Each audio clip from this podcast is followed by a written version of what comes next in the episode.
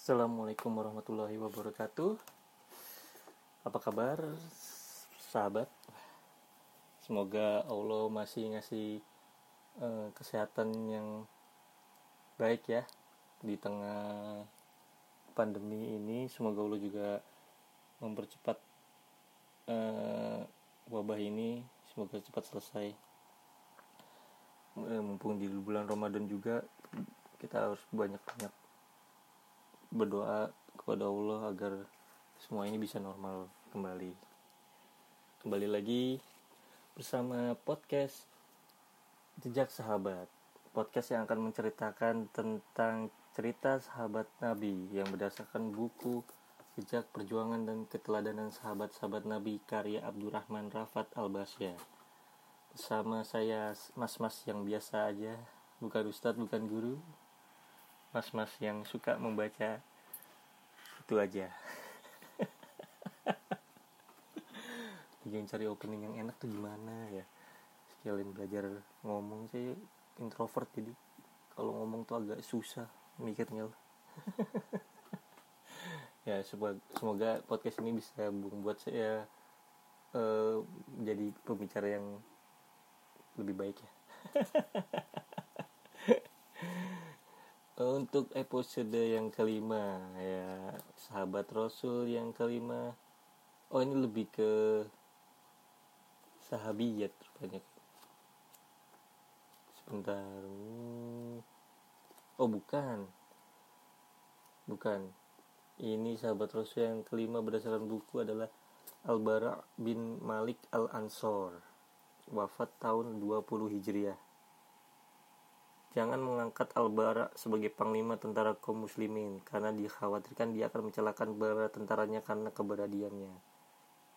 Kata-kata Umar bin Al-Khattab radhiyallahu anhu radhiyallahu anhu. Belibet nih. Baik, kita mulai.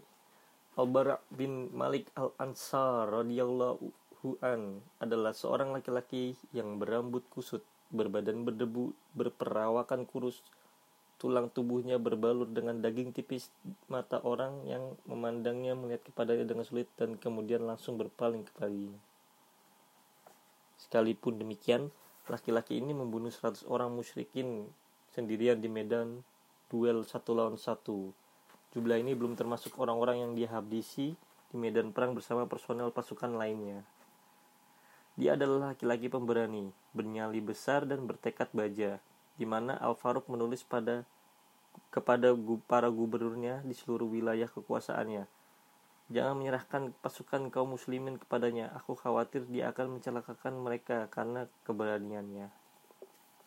Dia adalah Al-Bara bin Malik Al-Ansor, saudara Anas bin Malik, pelayan Rasulullah Shallallahu Alaihi Wasallam. Ini jarang kayak jarang kedengeran nih Al-Bara bin Malik Al-Ansar. Kalau saya menyebutkan berita-berita kepahlawanan Al-Bara bin Malik seluruhnya, niscaya pembicaraan yang menjadi paling panjang dan kesempatan menjadi sempit. Oleh karena itu, saya memilih untuk menyebut satu kisah dari kisah-kisah kepahlawanannya. Satu kisah yang mengabarkan kisah-kisah yang lain kepada Anda. Kisah ini berawal sejak kisah ini berawal sejak saat-saat pertama dari wafatnya Nabi Shallallahu Alaihi Wasallam yang mulia dan kepergian beliau kepada Tuhannya, di mana kabilah-kabilah Arab mulai keluar berbondong-bondong meninggalkan agama Allah. Setelah sebelumnya mereka masuk berbondong-bondong ke dalam agama ini, sehingga yang telah yang tetap teguh di dalam Islam hanyalah orang-orang Mekah, Madinah, Taif, dan beberapa kabilah yang tersebar di sana sini dari kalangan orang-orang yang Allah teguhkan hati atas imannya. Abu Bakar As-Siddiq radhiyallahu an tetap tegak menghadapi cobaan yang merusak tetap tegak menghadapi cobaan yang merusak secara berbabi membabi buta ini layaknya gunung yang berdiri kokoh. Dia menyiapkan 11 pasukan dari orang-orang muhajirin dan ansor. Dia mengibarkan 11 panji komando untuk memimpin pasukan tersebut. Lalu dia mengirimkan semuanya ke segala penjuru jazirah Arab untuk mengembalikan orang-orang murtad ke jalan petunjuk dan kebenaran. Untuk membawa orang-orang yang menyimpang dari jalan yang lurus dan dengan tajamnya pedang. Orang-orang Muktat yang paling besar kekuatannya dan paling banyak keanggotaannya adalah Bani Hanifah, yaitu pengikut Musailamah al-Kadzab. Dia juga eh, apa namanya mengaku sebagai nabi palsu. Musailamah didukung oleh 40.000 orang dari kabilahnya dan para sekutunya. Mereka termasuk para prajurit yang tangguh dan tangguh di medan perang mayoritas dari orang-orang yang mengikutinya adalah orang-orang yang mengikutinya karena, karena fanatisme kepadanya, bukan karena beriman kepadanya. Sebagian dari mereka berkata, Aku bersaksi bahwa Musailamah adalah pembual besar dan Muhammad adalah orang yang jujur. Namun pembual Robi'ah, Robi'ah itu Musailamah lebih kami cintai daripada orang yang jujur dari Mudar. Mudar itu orang-orang dari Nabi Muhammad. Jadi katanya memang Musailama adalah pembohong besar dan Muhammad orang yang paling jujur. Tapi bohongnya Rob Musailama, Musailama lebih dicintai daripada jujurnya Muhammad. Musailama mengalahkan pasukan kaum muslimin yang pertama. Yang pertama keluar memerangi mereka di bawah kepemimpinan Ikrimah bin Abu Jahal. Musailama berhasil memukulnya mundur. Maka Burak Ab, Abu Bakar As-Siddiq radhiyallahu an mengirim pasukan kedua dengan dipimpin oleh Khalid bin Al-Walid radhiyallahu an yang beranggotakan para sahabat besar dari kalangan orang-orang Muhajirin dan Ansor. Dan di barisan depan pasukan ini ada Al-Bara bin Malik Al-Ansor dan beberapa pahlawan pemberani kaum muslimin. Dua pasukan bertemu di bumi Yamamah di Najd. Perang belum berlangsung lama namun sudah terlihat keunggulan pasukan Musailamah Musailima apa Musailama sih? Oh Musailima. Bumi yang diinjak oleh pasukan kaum muslimin mulai bergoncang. Mereka mulai terpukul mundur sehingga pasukan Musailamah, Musailimah mampu menerobos kaum Panglima Khalid bin Walid dan membongkar tiang-tiangnya dan hampir membunuh istrinya kalau tidak ada salah seorang di antara mereka yang memberinya perlindungan. Pada saat itu, kaum muslimin merasakan sebuah bahaya yang sangat besar. Mereka menyadari bahwa jika mereka kalah di depan Musailimah, Musailimah, niscaya Islam tidak akan pernah berdiri tegak setelah hari itu. Dan Allah yang tiada sekutu baginya tidak akan pernah lagi disembah di Jazirah Arab. Khalid maju menghampiri masukannya. Dia menata ulang siasatnya dia memisahkan orang-orang muhajirin dengan orang-orang ansor. Dia juga memisahkan orang-orang pedalaman dari kaum muhajirin dan kaum ansor. Khalid mengumpulkan anak-anak dari seorang bapak di antara Panji salah seorang dari mereka agar masing-masing mereka melihat kepahlawanannya di medan perang dan agar diketahui di mana titik kelemahan kaum muslimin. Roda perang kembali bergulir di antara kedua kubu dan memakan korban dalam jumlah besar kaum muslimin belum pernah mengenal perang sedahsyat ini dalam sejarah mereka sebelumnya. Pasukan pasukan Musailimah berperang dengan teguh di medan perang layaknya gunung yang menjulung tinggi. Mereka tidak terpengaruh oleh banyaknya jumlah korban yang berjatuhan. Kaum muslimin memperlihatkan kepahlawanan-kepahlawanan yang sangat mengagumkan yang jika disusun dengan menjadi satu, niscaya akan menjadi sebuah malhamah Malhama itu hasil karya syair yang besar yang disenandungkan untuk menggambarkan peperangan yang sangat mencengangkan. Sabit bin Qais, pembawa panji orang-orang Ansor mengambil kain kafannya dan membuat galian di tanah sedalam setengah betis, lalu dia masuk ke dalamnya. Dia tetap berdiri teguh di tempatnya, berperang membela panji kaumnya sampai dia tersungkur sebagai seorang syahid. Zaid bin Al-Khattab, saudara Umar, Umar bin Al-Khattab radhiyallahu an berteriak di tengah kaum muslimin. Wahai manusia, gigitlah dengan gigi geraham kalian, tebaslah musuh kalian, dan majulah tanpa mengenal rasa takut. Wahai manusia, demi Allah, aku tidak akan berbicara setelah kalimatku ini selama-lamanya sampai Musailimah dikalahkan atau aku bertemu Allah. Lalu aku menyampaikan alasanku kepadanya. Kemudian dia maju berperang melawan musuh. Dia terus berperang sampai dia gugur.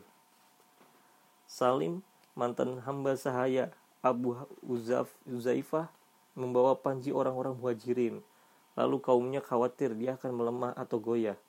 Maka mereka berkata kepadanya, kami takut diserang melalui dirimu. Maka dia menjawab, jika kalian sampai diserang karena aku, karena aku, maka aku adalah seburuk-buruk penghafal Quran.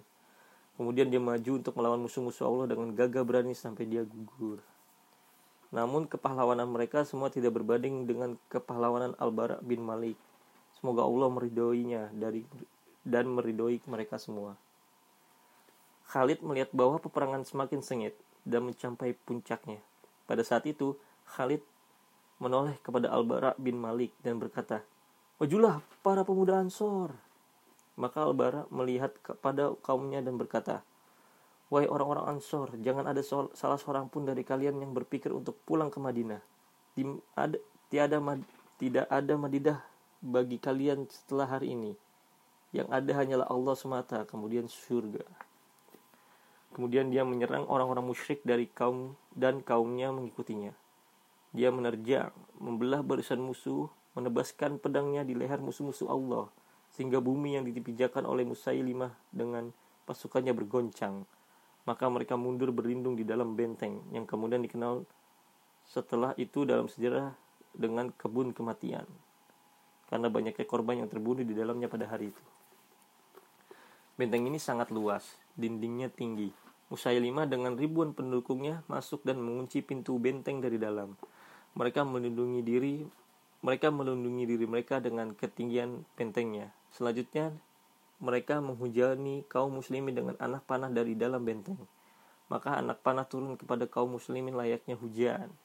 Pada saat itu, pahlawan kaum muslimin yang pemberani, Al-Bara bin Malik, melangkah ke depan. Dia berkata, Wahai kaum muslimin, letakkan aku di sebuah tameng, lalu angkatlah tameng itu di ujung tombak. Kemudian lemparkan aku ke dalam benteng dekat pintu gerbangnya. Kalau aku tidak gugur sebagai syahid, maka aku akan membuka gerbang untuk kalian. Dalam sekejap mata, Al-Bara bin Malik sudah duduk di sebuah tameng. Karena dia memang badannya kurus dan kerempeng, puluhan tombak mengangkatnya dan melemparkannya ke dalam benteng kematian di antara ribuan dari balak tentara Musailimah. Maka Al-Bara turun di antara mereka layaknya sebuah halilintar. Bish.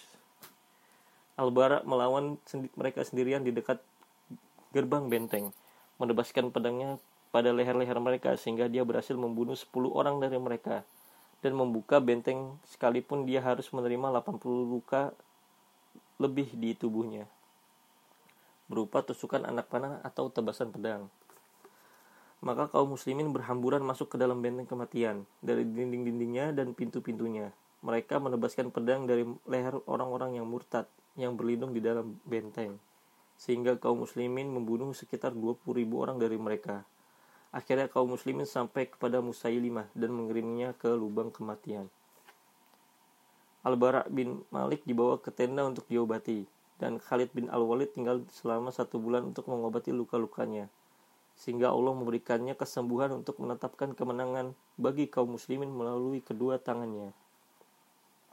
Al-Bara bin Malik Al-Ansor terus merindukan mati syahid yang tidak dapat yang tidak dia dapatkan pada hari dia berperang di kebun kematian. Dia harus dia terus menerjuni perang demi perang. Dia sangat ingin mewujudkan impian besarnya. Rindu ingin bertemu dengan nabinya yang mulia sallallahu alaihi wasallam. Hingga tibalah saat penaklukan kota Tustar di negeri Persia. Orang-orang Persia bersembunyi di salah satu benteng yang sangat tinggi maka kaum muslimin mengepung dan mengelilingi mereka dari segala penjuru seperti gelang mengelilingi pergelangan tangan. Tatkala mengepung tak, tatkala pengepungan berlangsung lama dan orang-orang Persia merasakan beratnya pengepungan, maka mereka maka mereka mulai mengulurkan rantai-rantai besi dari dinding benteng. Pada padanya tergantung kait-kait baja yang telah dibakar dengan api sehingga lebih lebih panas daripada bara. Kait-kait panas ini menyambar kaum muslimin dan menjepit mereka. Yang terjepit akan terangkat ke atas, selanjutnya dia akan mati atau mendekati kematian. Salah satu pengait besi itu menyambar Anas bin Malik, saudara Al-Bara bin Malik. Saat Al-Bara melihatnya, dia langsung memanjat dinding benteng mem dan memegang rantai besi yang menyambar saudaranya itu. Dia melawan kait dan berusaha untuk melepaskan saudaranya darinya. Tangan Al-Bara terbakar dan mengeluarkan asap. Namun dia tidak memperdulikannya sehingga dia berhasil menyelamatkan saudaranya. Albara turun ke bumi dengan tangannya hanya tinggal tulang tanpa daging. Di perang Alba di perang ini Albara bin Al Malik Albara bin Malik Al Ansor berdoa kepada Allah agar menganugerahkan mati syahid kepadanya maka Allah mengabulkan doanya. Dia gugur sebagai syahid yang mengharapkan bertemu dengan Allah. Semoga Allah menjadikan wajah Al-Bara bin Malik berseri-seri di surga dan membuatnya tenang karena bisa menyusul nabinya Muhammad sallallahu alaihi wasallam. Semoga Allah azza wajal meridhoinya dan menjadikannya ridho. Nah, itu adalah kisah dari Al-Bara bin Malik saudaranya Anas bin Malik. Ke walaupun badannya kecil kurus namun dia adalah seorang laki-laki pemberani yang berdiri di garda depan untuk berperang melawan musuh-musuh Allah. Beliau juga uh, beliau beliau juga menginginkan mati syahid setelah beberapa perang yang beliau lalui. Beliau masih dikaruniai kehidupan oleh Allah lalu kemudian diperang uh, diperang untuk menaklukkan kota Tutsar di negeri Persia. Beliau wafat. Semoga Allah meridhoinya dan jadikannya ridho. Nah ini adalah kisah dari Al bin Malik. Semoga bisa memberikan kita inspirasi ya untuk tetap jadi orang yang pemberani uh, untuk membela agamanya. Allah bukan berarti harus dengan kekerasan enggak. Sekarang kan udah lingkungannya udah damai jadi kita bisa membela Islam dengan cara yang baik dengan cara yang lembut yang Rasulullah sudah ajarkan jadi nggak perlu sampai teriak-teriak atau ngajak perang bukan bukan bukan kayak gitu. Tapi dengan cara yang lembut yang santun yang Rasul sudah ajarkan. Ya semoga Allah memberikan kesehatan untuk kita semua. Semoga Allah azza wajal juga memberikan uh, ilmu yang bermanfaat buat kita semua dari cerita hari ini dan Allah dan semoga Allah azza wajal uh, memperlancarkan puasa kita hari ini. Semoga uh, bermanfaat ya teman-teman. Semoga bisa mengambil hikmah dari cerita ini. Semoga menjadi lebih baik dari hari kemarin. Saya undur diri dulu. Wassalamualaikum warahmatullahi wabarakatuh.